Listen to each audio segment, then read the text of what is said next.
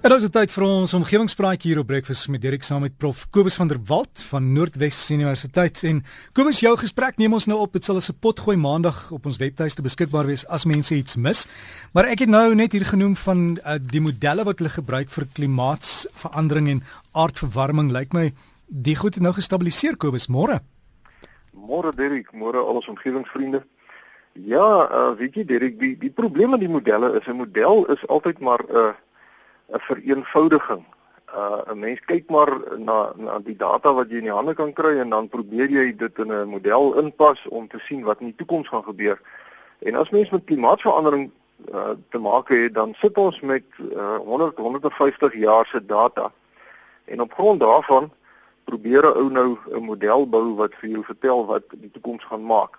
Ons sit dan 'n bietjie uh, as mense na yskerne goed kyk, dan sit ons met so omtrent 400 000 jaar se data en dan as mens nou nog verder terug gaan na geologiese goed toe dan het ons daarom uh aanduidings van van etlike miljoene jare se data. Maar die die probleem is die goed is is is nie akkuraat uh soos wat 'n ou deesdae met 'n termometer kan meet nie. Met ander woorde, die wetenskaplikes probeer hulle bes om te kyk en na mate nuwe inligting uh ontdek word of aan die lig kom, dan word die modelle maar aangepas. Uh maar dit is op die beste is 'n model maar 'n ingeligte raaiskoot oor wat in die toekoms gaan gebeur. En soos die nuwe inligting kom, word die modelle aangepas. My persoonlike mening is is dat die die maatreëls wat die mense tref, getref het die afgelope 2, 3 dekades uh werklik besig is om te begin werk. Um as mens net byvoorbeeld na een voorbeeld uh, kyk in in dit is die gewone passasiersmotor. Dink bietjie aan motors van 20, 30 jaar terug wat hulle brandstofverbruik was en kyk na vandag se moderne motors wat die brandstofverbruik is. Dit is orde syfers minder. So en en so kan nou aangaan. Daar is geweldig baie goed wat gedoen word en dit alles uh, is na my mening besig om vrugte af te werk. Maar nou ja, Derek, jy het verlede week vir my gesê dat 'n luisteraar vir jou gevra het of daar nie 'n manier is om water warm te maak vir mense wat nou nie songeisers het nie. En met die beurtkrag van Eskom is mense met gewone elektriese geisers in die knyp. Ehm um, nou ja, as mens water wil warm maak vir koffie, is dit natuurlik maklik. Jy kry jou gasstoofie, maar as mens nou 'n bietjie meer water wil hê soos eh, 'n uh, bad of so, dan uh, moet mens 'n ander plan maak. En ek het 'n bietjie in my argiewe gaan soek en ek ver, vertel graag weer vir ons luisteraars vanoggend van meneer Jannie Skonken van Oudendaalsrus se vernuftige toestel waarmee hy so 50 liter warm water binne 10 minute kan lewer met En dit is die wonderlike hiervan net 1 kg se stokkies as brandstof. Dis sommer so 'n dubbele handvol stokkies, so dik soos my pinkie wat mens sommer so onder 'n boom optel. Dit moet natuurlik nou net droë hout wees. Nou die biogeyser, hier die Shiza Manzi en die apparaat het die vermoë om omtrent 15 liter yskoue kraanwater binne net 8 minute tot by kookpunt te verhit met net 'n handvol droë stokkies as brandstof. Nou as mens hierdie kookwater dan in 'n bad intap en jy sit nou koue water by, dan het 'n mens uh, so 50 liter heerlike warm water binne net 8 minute. Nou die geheim van die Shiza Manzi is 'n baie effektiewe verbrandingskamer wat heeltemal deur die water omring word en die ontwerp van die verbrandingskamer is sodanig dat die stokkies 'n geweldige hoë temperatuur bereik van om en by die 1000 grade Celsius. En hierdie klomp warmte word dan baie effektief oorgedra na die water toe En binne 8 minute kook die spulletjie en mens draai dan bloot die toevoerkraan oop sodat daar weer 'n klomp koue water in die sisaman wie uh, inloop en die koue water druk dan die kookwater uit aan die ander kant. En uh, as jy dan die koue water bygetap het uh, by jou kookwater tot die temperatuur reg is, dan uh, kan jy lekker bad. En nou nog 'n handvol stokkies en nog 8 minute later en jy het jou tweede bad vol warm water. As van ons omgewingsvriende self wil kyk hoe die apparaat lyk en hoe hy werk, kyk gerus op die webwerf www.shizamanzi.co.za. Dis S H I Z A Shiza M A N Z I. Een woord, Shizamanzi. Ehm um, en dit as ek reg is, is dit Zulu vir warm water.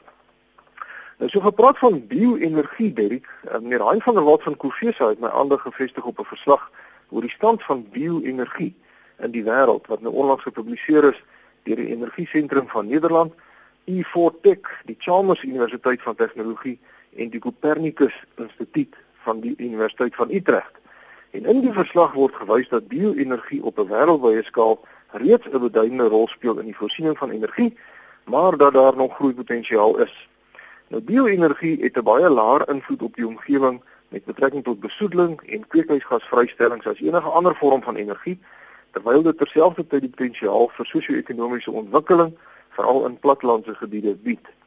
En dit is volhoubaar en in balans met die natuur se vermoë en die verslag sê dat tussen 'n kwart en 'n derde van die wêreldwye energievraag teen 2030 deur bio-energie verskaf kan word want dit is geskik om geboue mee te verwarm asook die opwekking van elektrisiteit en dan ook die vervaardiging van brandstof vir alle forme van vervoer.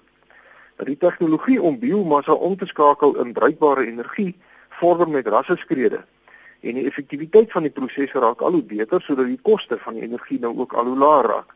Maar daar's ook uitdagings en die grootste uitdaging is seker die potensiële kompetisie vir landbougrond. Ons boere het die grond nodig om vir ons voedsel te verbou Uh en in ons land in Suid-Afrika is maar omtrent net 13% van ons land geskik vir uh, droë land uh, uh gewasse.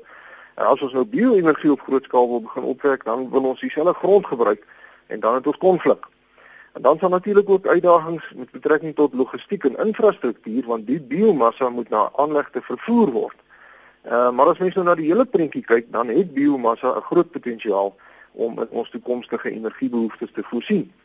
Uh ek het nou reeds as ons nou na 'n paar voorbeelde kyk van van van so biomassa energie, ek het reeds die Shiza Manzi biogeyser ge, uh, genoem. Uh maar by suikermelings word die reste van die suikerriet wat bagasse genoem word al jare lank gebruik om elektrisiteit mee op te wek wat dan weer in die fabriek self gebruik word.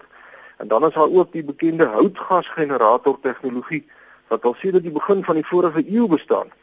En dit is waar droë hout of houtskool in 'n generator in die afwesigheid van suurstof op 'n manier gekook word sodat sintetiese gas of houtgas dan gelewer word. Daar's 'n hele paar voorbeelde van innoverende mense wat hierdie goed al gebou het, so 'n houtgasgenerator en ek het al self ehm um, gesien uh agterop 'n ouerige bakkie het 'n 'n boer so 'n houtgasgenerator gemonteer en hy ry oral rond sonder om ooit 'n druppel petrol of diesel in sy bakkie te gooi. En dis nie 'n nuwe ding nie. Uh, ek lees reeds in 1944 het 'n Alfa Romeo wat houtgas as brandstof gebruik het, die Interlagos motorwedren in Brasilië gewen. Nou omtrent 5 kg droë hout gee met die moderne gasgenerator ontwerpe vir dieselfde hoeveelheid energie as 1 liter petrol. En daar's oral in die wêreld verdere navorsing aan die gang oor hoe om hierdie proses te verbeter. In Oostenryk word daar tans met behulp van die Europese Unie navorsing gedoen oor die moontlikheid om houtgas op kommersiële skaal te gebruik. En hulle aanleg produseer tans reeds 2 megawatt elektrisiteit en 4,5 megawatt warmte. Daar is heelwat generators op die internet beskikbaar en omgewingsvriende wat self so 'n generator wil bou, dan gerus kyk op die bekende internet ensiklopedie Wikipedia en soek na wood gas generator of wood gasifier. Nou in die stuk waarby u dan sal uitkom, word daar inligting gegee oor dokumente wat deur die Verenigde Nasies en ook die Wêreldbank opgestel is wat mense nou mooi wys hoe om so 'n houtgasgenerator te bou. Dit ek dink dis iets wat met vrug ondersoek kan word, veral ook deur mense wat hulle eie petrol kragopwekkertjies aangeskaf het om vir beurtkragvoorsiening te maak. Daardie klein kragopwekkertjies is regtig baie swaar op brandstof. En as die ergste gebeur en die kragnetwerk stort ineen en ons sit sê vir 2 weke sonder krag, dan is daar 'n baie wesenlike gevaar dat die brandstof, die petrol gaan opraak. Uh daar gaan uh, regtig tekorte kom en die mense wat hulle kragopwekkertjies dan aangepas het sodat die goed met houtgas kan loop, gaan dan breed glimlag. 'n Mens kan natuurlik ook met gewone gas, die uh, uh, vloeibare petroleumgas, so 'n kragopwekkertjie laat loop. Maar die die petrolkragopwekkertjies uh, loop die gevaar as daar as die ding ineenstort, dan kan die brandstof regtig baie skaars raak. Nou die houtgasgenerator terug na hom toe, mens kan so iets baie goedkoop bou van afvalmateriale. En dit is ook nie moeilik nie. Ek onthou by verlede jaar se se um die Rust Ekofees was daar een van die persone daar wat so 'n ding gebou het uit ou verfblikke en het baie goed gewerk. So soek maar net op die internet na inligting oor wood gas generators en dan kan u u eie ene bou. En dan sluit ek af, dit ek so gepaard gepraat van beurtkrag, my goeie vriend Rian van der Walt wat saam met my hier by die pik werk, het vir my 'n artikel aangestuur wat wys dat mense deesdae gloeilampies kry wat vir jou tot 3 ure nadat die krag afgegaan het lig kan gee.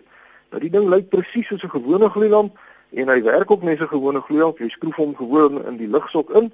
Ehm um, en as die krag afgaan, dan skakel hy oor na 'n interne battery en hy hou aan skyn. Maar wat nou slim is, is dat die skakelaar by die muur steeds werk. Met ander woorde, jy kan die gloeilamp steeds aan en afskakel, net so gewone een. En as die krag dan weer aankom, dan laai die battery maar net weer van voor af. Nou hierdie gloeilampe is tans nog duur, dit lyk my so R120 stuk, maar ek dink dit is dalk 'n goeie idee om so een of twee van hulle in jou huis te hê sodat mense nou nie jou jou maar met die stuk blou stamp snags as die krag af af is nie. Omgewingsvriende, daarmee sluit dit af vir oggend. Net weer die naam van die biogeyser, dis die Shiza Manzi en jy kan inligting kry by www.shizamanzi.co.za. S H I Z A M A N Z I. Skryf gerus vir my by kobus.vanderwalt by nwu.ac.za of by die fakulteit Natuurwetenskappe, Noordwes Universiteit, Potchefstroom 2520. Vriendelike groete tot 'n volgende keer.